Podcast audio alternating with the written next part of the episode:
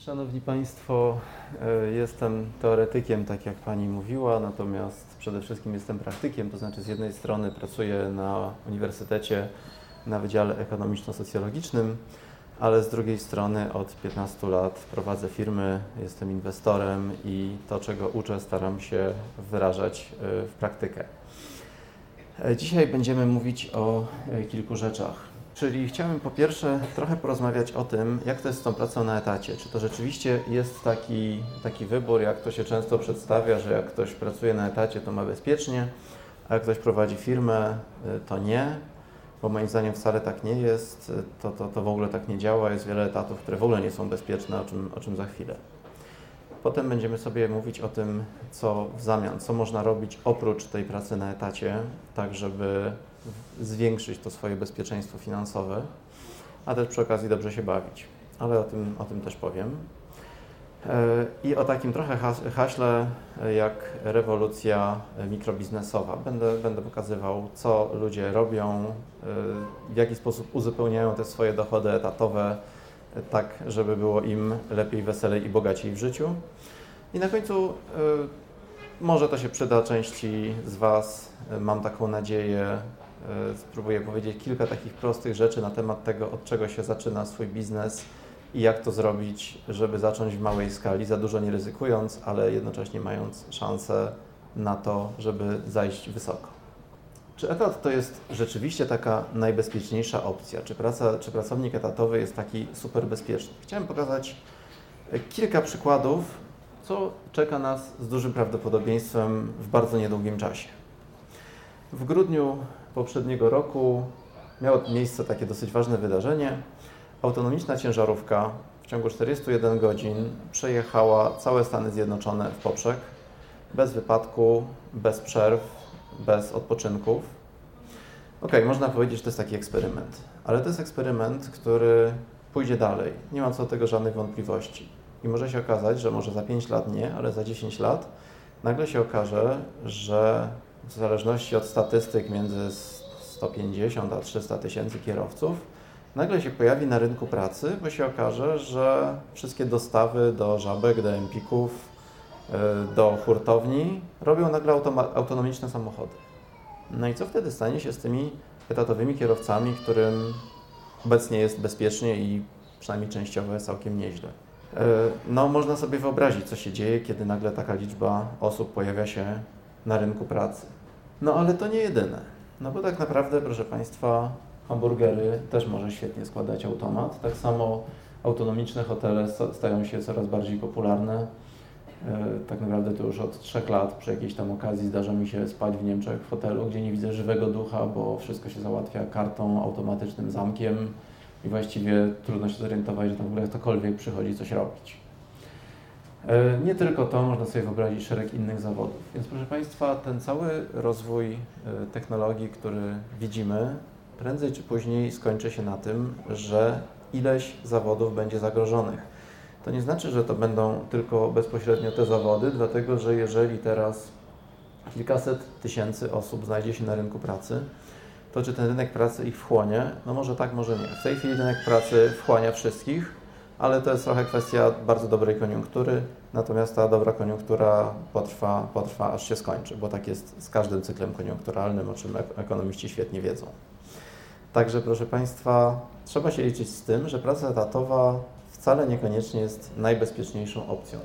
No i teraz tak, można czekać, co się stanie, i można czekać, co będzie, jak ludzie się zaczną na tym rynku pracy rozpychać, a można zrobić to, co robią wszyscy inwestorzy. Co robią inwestorzy? Jest takie dobre słowo, dywersyfikują inwestycje, to znaczy nie pchają wszystkiego w jeden papier, tylko inwestują w różne rzeczy. I tak naprawdę to samo można zrobić ze swoim życiem zawodowym. To jest to, co ja ze swoim życiem zawodowym robię od 15 lat. To znaczy, od tego czasu nie, nie zdarzyło mi się nigdy, żebym pracował wyłącznie w jednym miejscu. Zazwyczaj to była jakaś praca etatowa plus y, jakieś firmy. To wszystko się wpisuje w coś, co od paru lat, od, u nas od, od pięciu, na, w Stanach Zjednoczonych bardziej od 10-15, nazywamy rewolucją mikrobiznesową. Czyli taką sytuacją, w której zupełnie normalni ludzie, tacy jak Państwo czy ja, e, stwierdzają, że firmę to nie zakłada jakiś wielki inwestor gdzieś daleko, tylko firma to jest coś, co może mieć każdy z nas w dosyć relatywnie prosty sposób. Nie mówię, że to gwarantuje sukces, bo nie, nie, to nie jestem takim coachem od sukcesu, który mówi, że to wszystko się uda, ale można spróbować yy, i w końcu się uda i można to zrobić tak, żeby nawet jeżeli coś pójdzie nie tak, to żeby nas to za bardzo nie zabolało. O co chodzi?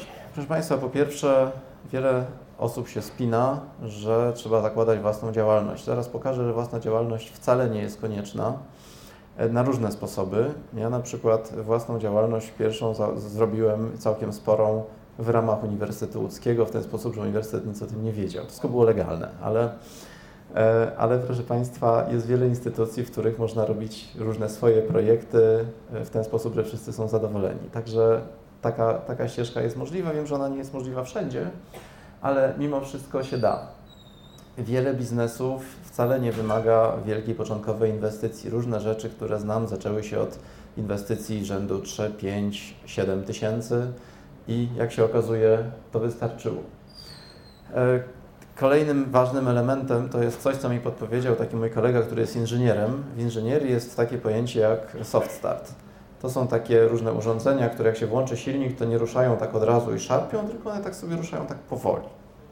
I dokładnie to samo można i warto robić z biznesem, żeby nie zaczynać od rzucania etatu, nie zaczynać od pójścia do szefa i powiedzenia, że cię nienawidzę i po prostu nigdy więcej już tu nie przyjdę. E, bo pierwszy biznes może nie wyjść, o tym trzeba pamiętać, więc trzeba go zrobić z małą inwestycją, na spokojnie, powoli, jako dodatek do etatu, a potem albo z tego etatu odejść, albo nie odchodzić. I ja wcale nie twierdzę, że koniecznie trzeba odchodzić z etatu, żeby prowadzić swoją firmę. Znam wiele przykładów osób, które sobie świetnie radzą z tym, że łączą te, te dwa światy. E, ważne jest, żeby zaczynając przyłożyć się do, do testowania, żeby wiedzieć, że to, w co pakujemy swój czas i pieniądze, działa przede wszystkim, że ma klientów. Wiem, że ten ekran jest trochę mały, ale zrobiłem taki dziewięć przykładów prawdziwych firm, które, które znam. Akurat może ten obrazek na początku to nie jest, nie jest najszczęśliwszy, bo to jest obrazek z mojego bloga, natomiast y, jestem, jestem świeżo po rozmowie z człowiekiem, który zaczął parę miesięcy temu sprowadzać różne rzeczy z Chin i sprzedawać na Amazonie. I okazało się, że ten handel na Amazonie jest całkiem prosty i że da się i y, do szybkich pierwszych przychodów doszedł bardzo szybko, a w tej chwili ten biznes jego nawet zaczyna zarabiać, więc E, więc da się. Handel na Amazonie jest takim dosyć prostym pomysłem. E, oczywiście nie jest tak, że on sam wychodzi, to, to tak nie, ale, ale jest to możliwe, żeby on wyszedł. W prawym górnym rogu mamy takie pióro. To jest facet chyba z Wrocławia, o ile pamiętam, który po godzinach zaczął robić wieczne pióra ręcznie robione. On to robi z żywicy, maluje, sprzedaje za całkiem niezłe pieniądze. E, nie robi całego mechanizmu, tylko mechanizmy kupuje od normalnych piór, a potem robi całą resztę i, i bardzo to są fajne produkty. E, dalej mamy e, pomysł, który na początku w ogóle podpowiedziała mi moja żona Ania, która tu siedzi. To jest, to jest robienie ozdobnych akwariów. Mamy w Polsce faceta, który jest mistrzem świata w aquascapingu. Takich firm już w Polsce jest kilkadziesiąt. To są ludzie, którzy od 8 e, do 100 tysięcy potrafią zrobić dla restauracji, dla baru, dla willi, dla biura e, akwaria, które wyglądają jak z bajki i do których się dobiera odpowiednie kamienie, rośliny, to wszystko tak układa. Można pojechać na mistrzostwa i e, właśnie zostać mistrzem świata w aquascapingu. W każdym razie można w ten sposób zarabiać pieniądze i no, nikt mi nie powie, że nie da się wziąć akwarium e, rybek, roślinek, kamieni, a potem zacząć to robić. Oczywiście ja bym tego nie umiał, bo ja w ogóle nie mam wyczucia do takich e, ładnych rzeczy, ale są ludzie, którzy, którzy potrafią i którzy potrafią zrobić absolutnie boskie rzeczy. Po lewej stronie jest laptop, natomiast ten laptop ma taką drewnianą okładzinę. E, jest firma, która w Polsce, która zajmuje się tym, że po prostu wycina ze sklejki drewnianej różne okładziny na, na laptopy, na telefony, na różne sprzęty i sprzedaje właśnie takie drewniane okładziny, odpowiednio je zdobiąc laserowo. to jest, e, żeby, żeby było jasne, to nie znaczy, że trzeba mieć park maszynowy za pół miliona. E, takie wycinanie, takie zdobienie się po prostu idzie do punktu, gdzie mają laser i się to zleca za kilkanaście złotych. Więc dalej kwestia to jest tylko marketingu, żeby, no nie tylko, bo to nie jest takie proste, ale to jest kwestia marketingu, żeby te produkty odpowiednio uplasować i żeby zacząć je sprzedawać. Ale znowu to nie jest biznes, który na początku wymaga setek tysięcy inwestycji. E, dalej w prawym górnym rogu mamy takie, e, takie etui na telefony i na laptopy otul filcem. To są etui z filcu z takimi czerwonymi gumkami. E, jak zaczynałem swoją którąś firmę, to w ogóle na nich się wzorowałem, jak, jak można z prostej rzeczy zrobić bardzo fajny marketingowo produkt, który i wygląda i się sprzedaje. Dalej, w, Łodzi, zresztą tutaj niedaleko mieszka Agnieszka Skupieńska, która prowadzi serwis tudrink.pl i do tego bloga to się opłaca, e, która zaczęła od tego, że zaczęła najpierw bloga o drinkach, potem zaczęła sprzedawać akcesoria do tych drinków, a potem to wszystko jeszcze opisywać, jak ona to robi. I z tego co widzę, to od ładnych paru lat zupełnie dobrze na tym wszystkim wychodzi. I ostatnie trzy przykłady. Moja koleżanka Karolina, która robi gagatki ze szmatki, y, jeszcze, jeszcze pół roku temu mówiła, że to się wszystko na pewno nie uda i że nikt tego nie kupi patrząc po Facebooku, to chyba owszem kupiło i to sporo ludzi, bo firma się bardzo prężnie rozwija. E, facet, który napisał do mnie z okazji bloga parę, parę dni temu, który zaczął pół roku temu robić portfele ze skóry, e, bardzo fajne, polecam jego stronę. I ostatni produkt to jest akurat mój, który wymyśliłem 4 lata temu, 5 w zasadzie, Berolia, czyli takie lepsze uchwyty samochodowe do telefonu. I to razem z Anią sprzedajemy od czterech lat, czterech, nie? Pięciu. Właśnie, właśnie dobiliśmy do miliona sprzedaży. I to jest produkt, który też no, urodził się w mojej głowie. Ja jestem ekonomistą, nie jestem inżynierem. Wymagało to nawiązania współpracy z ilomaś zakładami w Łodzi, które szyją, które wyginają, spawają i robią, lakierują i robią różne inne rzeczy. Ale to wszystko jest w zasięgu da się to zrobić. Tak? To nie jest tak, że to zrobiła wielka korporacja z końca świata. Więcej przykładów inspiracji to od razu powiem o moim blogu zarabianie na śniadanie.pl. Jakby coś, to zapraszam, tam, jest, tam piszę dużo o właśnie takich przykładach i o tym, jak to zrobić. No ale teraz, można sobie mówić o przykładach, ale tak naprawdę jak, y, jak, jak przez to wszystko przejść? Skąd możemy, y, skąd możemy wiedzieć, jakie kroki zrobić, żeby żeby przejść przez, te, przez ten etap zakładania firmy i żeby się w miarę możliwości nie sparzyć. Czyli po pierwsze, skąd wziąć pomysł na biznes, jak w ogóle zacząć, bo, bo z tym mnóstwo z nas ma problem, żeby w ogóle zacząć. Czy trzeba zakładać działalność gospodarczą i takie proste badanie rynku, czyli odpowiedź na pytanie, czy ktoś to kupi. Oczywiście czasu mamy nie aż tak dużo, więc ja tak postaram się to w miarę, w miarę, w miarę szybko e, prze, przez, poprzeskakiwać, natomiast potem będę bardzo chętnie odpowiadał na pytania. Jak wybrać y, pomysł na biznes? Przede wszystkim chciałem zacząć trochę od tego, co łączy, co łączy wszystkie udane biznesy, bo na to jest prosty, nieprosty przepis. Nie wiem, że on jest taki prosty. Znaczy, on jest prosty do opisania, natomiast do wdrożenia w życie już taki prosty do końca nie jest ale do każdego biznesu musi istnieć czyjaś potrzeba, potrzeba kogoś, kto, kto chce i może również wydać pieniądze i musi istnieć nasza umiejętność dostarczenia tego czegoś. Jeżeli chodzi o tą potrzebę, to to, czego warto zacząć, to warto znać klientów. To się bierze z różnych, z różnych źródeł. Bardzo często y, robi się biznesy w oparciu o własną potrzebę, czyli tak jak ja nie mogłem znaleźć fajnego uchwytu do telefonu. Potem zacząłem robić dla siebie, a potem stwierdziłem, że właściwie może by to zacząć sprzedawać. Ale bardzo wiele osób zaczyna swój biznes dlatego, że właśnie nie może znaleźć y, fajnego sklepu zoologicznego u siebie na osiedlu. Albo nikt nie robi akurat y, takich, to jest oryginalne, y, nikt nie robi takich osłonek, o Jezu, co to było, na wizjer do jakichś kamer które, które akurat te, co są, są niewygodne, bardzo drogie i po prostu facet zaczął robić, no, sprzedaje to w tej chwili w cały świat, jakieś specjalne wizjery do, do właśnie do kamer. Zresztą to są takie proste produkty. Ale o co chodzi? Chodzi o to, że bardzo dobrze jest zacząć od jakiegoś rynku, który się zna. Jeżeli pracuję w jakiejś instytucji publicznej, to na przykład, akurat znam taki przykład, że facet pracował w sądzie i zobaczył, jaki to jest dramat z, proszę Państwa, tonerami do drukarek. No banalna rzecz.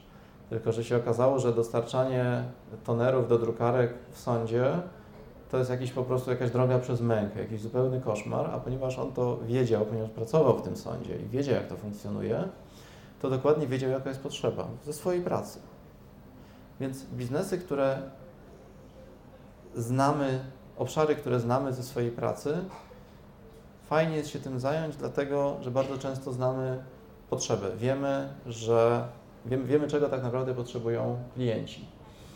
Z drugiej strony, jeżeli zaczynamy robić coś, co, na, czym, na czym się już wcześniej ktoś z nas zna, to jesteśmy to w stanie zrobić szybko, tanio i w krótkim czasie, uderzy się w piersi, to w ogóle nie jest przykład takiego produktu. Zabrałem się za coś, na czym się kompletnie nie znałem. Projektowanie trwało chyba półtora roku. Kosztowało, nie wiem czy mnóstwo, czy nie mnóstwo, ale w jakimś momencie miałem w to utopione 120 tysięcy. E, I wydaje mi się, że gdyby się za to wziął jakiś inżynier, który jeszcze do tego ma kontakty w fabrykach, to zapewne zrobiłby to w 3 miesiące i za 15 tysięcy. Więc e, ja jestem fatalnym przykładem, jeśli chodzi o zabieranie się za biznes, na którym się człowiek nie zna. Ale z drugiej strony biznes, który mi wystrzelił niesamowicie, czyli swojego czasu fundusze, fundusze unijne, dla odmiany wzięły się z tego, że z tymi funduszami unijnymi miałem kontakt na uczelni i tak naprawdę zabierając się za firmę, dokładnie ze wspólnikami wiedzieliśmy, co robimy i co jest potrzebne. Więc, więc mam tak naprawdę dwa przykłady zupełnie przeciwstawne tego, jak się człowiek zabiera za biznes, na którym się zna albo na którym się nie zna. Więc dobrze jest wykorzystać jakieś swoje atuty takie z, z normalnej pracy, z normalnego życia. Czyli inaczej mówiąc, najkrócej, biznes wychodzi najczęściej wtedy, kiedy działasz w branży, na której się znasz, którą znasz albo z pracy, albo hobby, albo z pasji, albo z własnej potrzeby. Jak znaleźć pomysł? Y, to jest dłuższy temat. W tej chwili y, jestem w trakcie nagrywania w ogóle kursu online na temat znajdowania pomysłu na biznes, więc nie streszczę tego w 10 minut ani w 5.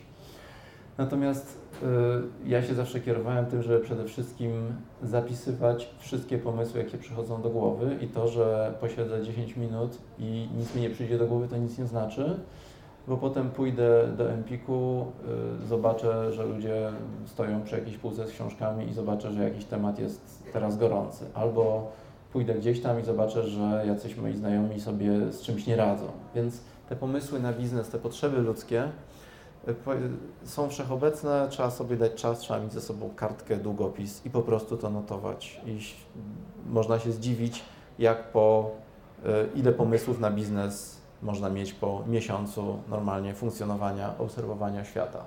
E, co ważne, biznes w ogóle nie musi być nowatorski. Ten biznes, o którym mówiłem, o e, tonerach do drukarek, no to nie jest, to nie jest wymyślenie kolejnego Facebooka. E, generalnie w biznesie nie dają punktów za nowatorstwo. Co prawda, fajnie jest mówić, że biznes jest innowacyjny i wtedy jeszcze przyjdą tacy różni z Uniwersytetu Łódzkiego i będą badać innowacyjne biznesy i super, tylko że na innowacyjnych biznesach wcale niekoniecznie trzeba, można zarobić fajne pieniądze, natomiast można je zarobić na zupełnie biznesach banalnych. To jest taki, no to jest taki anegdotyczny przykład, że w Stanach Zjednoczonych według jakichś tam statystyk najwięcej milionerów, chyba czy miliarderów, nie wiem, milionerów wzięło się z biznesu e, pralni chemicznych. E, więc nie kierujmy się w ogóle nowatorstwem. To, to absolutnie nie o to chodzi. Nie ma tutaj żadnych nagród za innowacyjność, poza tym, że może napiszą w gazetach, ale, ale to jest jedyna nagroda. Natomiast to, co jest ważne, to żeby nie przyklejać się do swoich pomysłów na biznes, tylko, tylko skupić się przede wszystkim na potrzebach. Każdy biznes odpowiada na czyjąś potrzebę i jeżeli trafimy w potrzebę, to będziemy mieli klientów. Jak nie trafimy, to choćby pomysł był super i w ogóle z kosmosu, to nic z tego nie będzie. Więc to jest taki ważny aspekt, żeby się skupiać na potrzebach innych, naszych bliźnich, którzy nas otaczają, a nie na swoich świetnych pomysłach, bo każdy z nas ma dużo świetnych pomysłów i zapewniam Was, że z większości nic nie będzie. Natomiast jest mnóstwo takich barier psychologicznych, które mm, jak się ich nie ma, to trudno uwierzyć, że ktoś ma z tym problem. Na przykład taką y, znaną, nie, nie będę mówił od początku, na przykład taką, takim, taką, takim problemem, y, którego ja na przykład nie znam i przez długi czas nie mogłem uwierzyć, że tak można mieć, jest lęk przed sukcesem. Serio. W takim sensie, że są ludzie, i ja rozmawiałem z takimi ludźmi, którzy mają w miarę bezpieczne, spokojne życie, Yy, i się trochę boją, że jeżeli coś im wyjdzie, to nagle coś będą musieli zmienić, to jakieś pieniądze przyjdą, yy, a może się okaże, że, że teraz już będzie inaczej, że, że ich życie się zmieni, a może oni wcale nie chcą zmieniać tego życia. Więc lęk przed sukcesem wbrew pozorom paraliżuje pewną część ludzi. Ja naprawdę nie rozumiem tego, także od razu powiem szczerze, że nie jestem ekspertem od lęku przed sukcesem. Ja zawsze byłem głodny sukcesu, ale, ale to wcale, wcale nie, nie jest oczywiste. Natomiast druga rzecz, którą ma chyba prawie każdy, lęk przed porażką.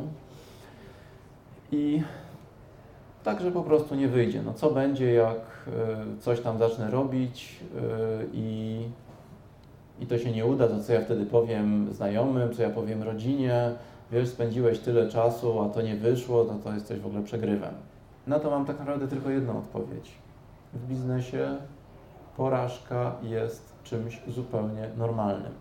Jak próbowałem sobie zrobić statystyki moich przedsięwzięć, to jedna trzecia wyszła, dwie trzecie nie wyszły. Yy, I uważam, że to są zupełnie dobre statystyki. Są ludzie, którzy próbują 9, dziesiąte wychodzi. Dlatego te porażki należy traktować w ten sposób, że one są po to, żebyśmy się uczyli. Że to nie jest, to nie jest porażka w rozumieniu, że się przegrało. To jest, to jest po prostu tak, że jak już wypróbowaliśmy wszystkie złe drogi, to na końcu zostaje jedna dobra, którą najprawdopodobniej wypróbujemy dopiero na końcu. I to jest zupełnie normalne i tak działają startupy w Dolinie Krzemowej, tak działają naprawdę wielcy przedsiębiorcy, że wypróbują mnóstwo rzeczy. Ja pamiętam chyba Edison, szukając materiału na włókno do żarówki, wypróbował chyba 7000 materiałów, zanim trafił na ten właściwy. Y, Wyobraźmy sobie, co to jest włożyć 7 tysięcy różnych rzeczy do żarówki, potem wypompować powietrze, a potem zobaczyć, że to nie działa. E, to naprawdę trzeba, no, trzeba być twardzielem. Dlatego, proszę Państwa, ten lęk przed porażką, on, on jest, natomiast on na przykład blokuje pewien bardzo ważny kanał marketingowy. W tej chwili, gdybym to robił, to od początku zrobiłbym stronę na Facebooku, i każdy kolejny prototyp, pomysł, porażkę, wszystko bym tam publikował, bo ludzie to lubią. Ludzie lubią widzieć, jak się rodzą produkty, ale nie, nie, bo kurczę, jak nie wyjdzie, to, to wstyd będzie. I co ja wtedy zrobię. A tak naprawdę to z takiego pokazywania tego procesu ma się już pierwszych klientów i ma się już pierwszych fanów, więc, więc ten lęk przed porażką naprawdę potrafi dużo rzeczy zablokować, a, a to nie tak ta porażka może przyjść i trzeba po prostu działać tak, żeby ona nas za dużo nie kosztowała yy, i robić swoje, i robić dalej. Dalej jest lęk przed czymś dużym. To jest takie przekonanie, które ma bardzo wiele ludzi, że firmy to powstają gdzieś za siedmioma górami, za siedmioma morzami, a co, jakim ja jestem, że ja mogę jakąś firmę założyć? Przecież to na pewno ktoś, yy, ktoś w ogóle wielki i w ogóle nie wiadomo, gdzie te firmy zakłada. Tutaj najprostszy sposób mam taki, żeby sobie z tym poradzić, żeby zacząć robić coś. Nie wiem, handlować na Allegro, handlować na Amazonie. E, prosto, prosto jakaś rzecz, dlatego że bardzo wiele osób ma tak, że najlepsze pomysły przychodzą do głowy wtedy, kiedy już jesteśmy w ruchu. Czyli wtedy, kiedy zaczęliśmy robić jakąś rzecz, nawet małą, to wtedy e, przychodzą do głowy pomysły, bo już, zaczyna, już zaczynasz myśleć jak przedsiębiorca, bo już wtedy zaczynasz e, patrzeć na cudze e, potrzeby, zaczynasz patrzeć na pewne okazje, których wcześniej sobie człowiek nie zdawał sprawy, więc e, dla mnie najprostszy sposób to jest taki, żeby po prostu coś zacząć, nawet jeżeli to nie będzie super zyskowne, nie ma super wielkiej perspektywy, ale to przełamuje tą taką obawę przed ruszeniem, ruszeniem się z miejsca. No i ostatnia rzecz, którą w sumie ja też mam, Wiele osób ma tak zwany syndrom oszusta, czyli nigdy do końca nie potrafią uwierzyć, że to, co ja robię, to jest wystarczająco fajne. Ja wiem, że robię fajne rzeczy, wiele osób mi to mówi, a ja cały czas mam takie poczucie, że kurczę, że to nie jest wystarczająco dobre, że ja nie powinienem za to od ludzi brać pieniędzy, bo, bo, to, bo to jest jakieś takie nie w porządku, bo ja na pewno nie robię czegoś dostatecznie dobrego. No to potem wystarczy pójść do sklepu i zobaczyć, ile bubli ludzie produkują, nie mają z tym żadnego problemu z wzięciem pieniędzy. E, ale, ale chciałem tak dać znać, że to jest normalne i że wiele osób ma ten syndrom oszusta. To znaczy czują się jak oszuści, zupełnie nimi nie będąc. Ale to jest, to jest częsta, częsta bariera. E, to teraz jeszcze dwa tematy na koniec. Jedno, czy muszę zakładać działalność gospodarczą, to znaczy, czy muszę formalnie zakładać firmę? No i odpowiedź brzmi oczywiście, że nie. Jest w polskim prawie od dwóch lat takie rozwiązanie jak działalność nierejestrowana. Czyli możemy działać jak firma, możemy sprzedawać produkty, możemy świadczyć usługi, jednocześnie nie rejestrując działalności, dopóki nie przekroczymy przychodu 1300 zł. Ten 1300 zł to jest, nie, to jest, liczy się to w ten sposób, że to jest połowa pensji minimalnej. Więc yy, jeśli chodzi o, te, o tą działalność nierejestrowaną, to możemy robić bardzo wiele rzeczy, oczywiście w małej skali, żeby miesięcznie nie przekroczyć tego 1300, e, ale jest to doskonały pomysł na przetestowanie pomysłu na biznes i na przetestowanie też samego siebie. Jak ja się w ogóle sprawdzam w roli kogoś, kto oferuje jakieś produkty, kto bierze za to pieniądze, e, jak ja, jak ja się w tym odnajduję. No i e, to jest właśnie sposób naruszenia z miejsca, że nie muszę iść do urzędu, płacić ZUS-u, nie muszę robić, nie muszę mieć kasy fiskalnej, tylko mogę mm, robić wszystko to, co robi normalna firma, ale bez tych wszystkich formalności. Czyli mogę sprzedawać, mogę używać nazwy, mogę używać logo, mogę mieć y, zarejestrowaną domenę, stronę w internecie albo na Facebooku. To wszystko mogę robić całkowicie legalnie.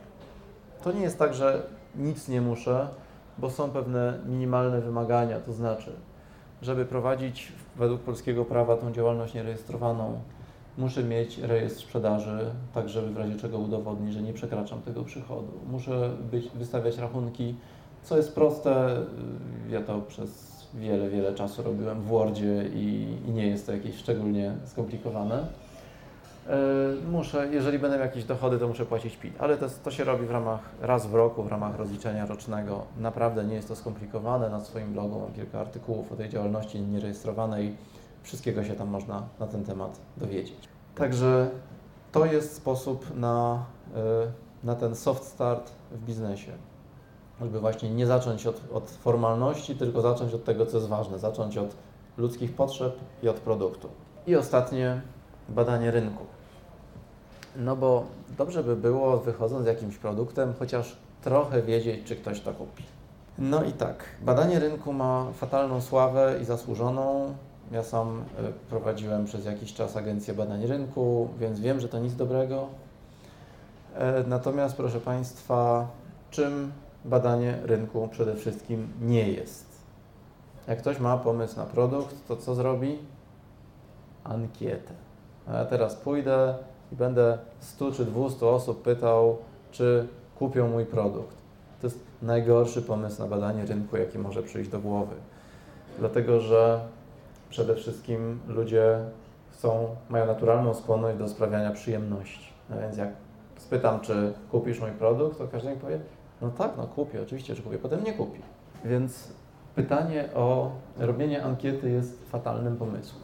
Pytanie o ocenę pomysłu na biznes przyjaciół i znajomych jest pomysłem takim samym, tylko jeszcze gorszym. Bo znowu każdy, kto Was lubi, powie tak, super, świetny pomysł w ogóle. Y, no a potem też się okaże, że nikt tego nie chce. A nawet jak kupią, to to jest 20 osób. I jeszcze jest pytanie, czy mój produkt jest fajny. To, to, jest, to jest w ogóle to jest rekord świata. Y, byliśmy w zeszły weekend w pokoju zagadek który był bez, absolutnie beznadziejny. Nie wiem, czy kiedyś byliście w pokoju zagadek, ale y, różnią się między sobą między innymi tym, że są jedne pokoje zagadek, które mają, są oparte na fajnych pomysłach, a w innych jest po prostu milion kłódek z różnymi kodami, które trzeba odnajdywać w absurdalnych miejscach. No i to był właśnie niestety ten drugi rodzaj.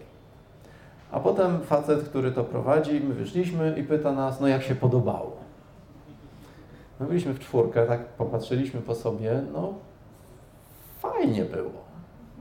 I nikt z nas nie powiedział mu uczciwie, że przepraszam, ale facet zmień to, bo to jest po prostu żenujące.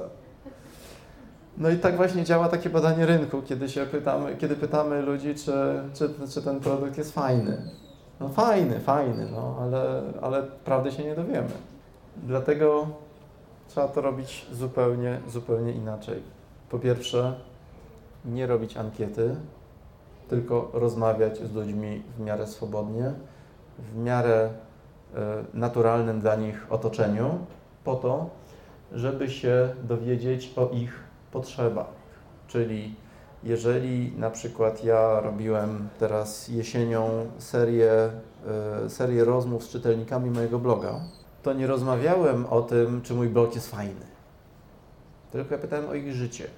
Pytałem o to, czy masz firmę, a czy myślałeś o tym, żeby mieć, a czy, w ogóle, a czy masz może jakieś inne, inne pomysły na to, żeby więcej zarabiać. A jeżeli myślałeś o firmie, to co Ci jest najbardziej potrzebne? Czy są jakieś rzeczy, których się nie możesz dowiedzieć z internetu, bo, no bo, co, bo co? Bo właśnie, bo, bo co? Bo nie ma, albo, albo jest może źle napisane. I w ten sposób się wciąga człowieka w rozmowę, kiedy zaczyna mówić o swoim życiu i z tego możemy wnioskować coś o jego potrzebach. Natomiast pokazywanie mu naszego produktu i, i pytanie, czy jest fajne, do niczego nie doprowadzi. Natomiast kiedy spontanicznie, nienakierowany zaczyna mówić o swoich potrzebach, to zaczynamy mieć właśnie to, o co chodzi w badaniu rynku. No i najlepszym, najlepszym ever badaniem rynku jest postawienie człowieka w faktycznej sytuacji, kiedy ma wydać pieniądze. I tutaj akurat można powiedzieć, że nie skopałem tej sprawy. Tutaj wyglądało to w ten sposób, że zrobiliśmy pierwszą próbną partię 50 sztuk. Ona została ofotografowana i wystawiona do realnej sprzedaży w internecie. I dopiero kiedy ludzie zaczęli to kupować, to zacząłem mieć poczucie, że to jest badanie rynku, które pokazuje, tak to ma jakiś sens. Bo inaczej rozmawianie, no a jakbyś sobie wyobraził, czy byś chciał mieć fajny uchwyt na telefon? No chciałbym, tak? Ale kiedy już dochodzimy do ceny, bo to nie jest tania rzecz, to się nagle okazuje, że to, że to wcale nie. Więc dopiero kiedy ludzie zaczęli to realnie kupować, to się okazało, że to ma jakiś sens i to jest to badanie rynku, które, które działa. Więc inaczej mówiąc, jeżeli podchodzimy do, yy, do biznesu, to właśnie trzeba za, zastosować tą taką logikę soft startu, czyli zrobić kilka sztuk, spróbować sprzedać. Jeżeli ktoś mamy taką możliwość, że ktoś nie kupuje, to ewentualnie spytać go, dlaczego nie kupuje. I na, ta, na to pytanie jak ludzie odpowiadają. Tak, że, że za drogie, że nieładne, że nie pasuje do mojego życia, albo że to przecież bez sensu, bo, bo można taniej kupić coś innego. Więc, yy, więc takie naprawdę najlepsze badanie rynku to jest właśnie zrobić kilka sztuk, spróbować to sprzedać. Jeżeli wyjdzie, to dopiero zacząć inwestować więcej czasu i więcej pieniędzy. Więcej przykładów, pomysłów tego, jak robić różne rzeczy jest na moim blogu Zarabianie na śniadanie. Staram się, żeby tam były same takie rzeczy, które mógłbym uczciwie poradzić na przykład moim dzieciom, więc no naprawdę staram się do tego podchodzić uczciwie i w oparciu o to, co, co sam przeżyłem, co sam doświadczyłem.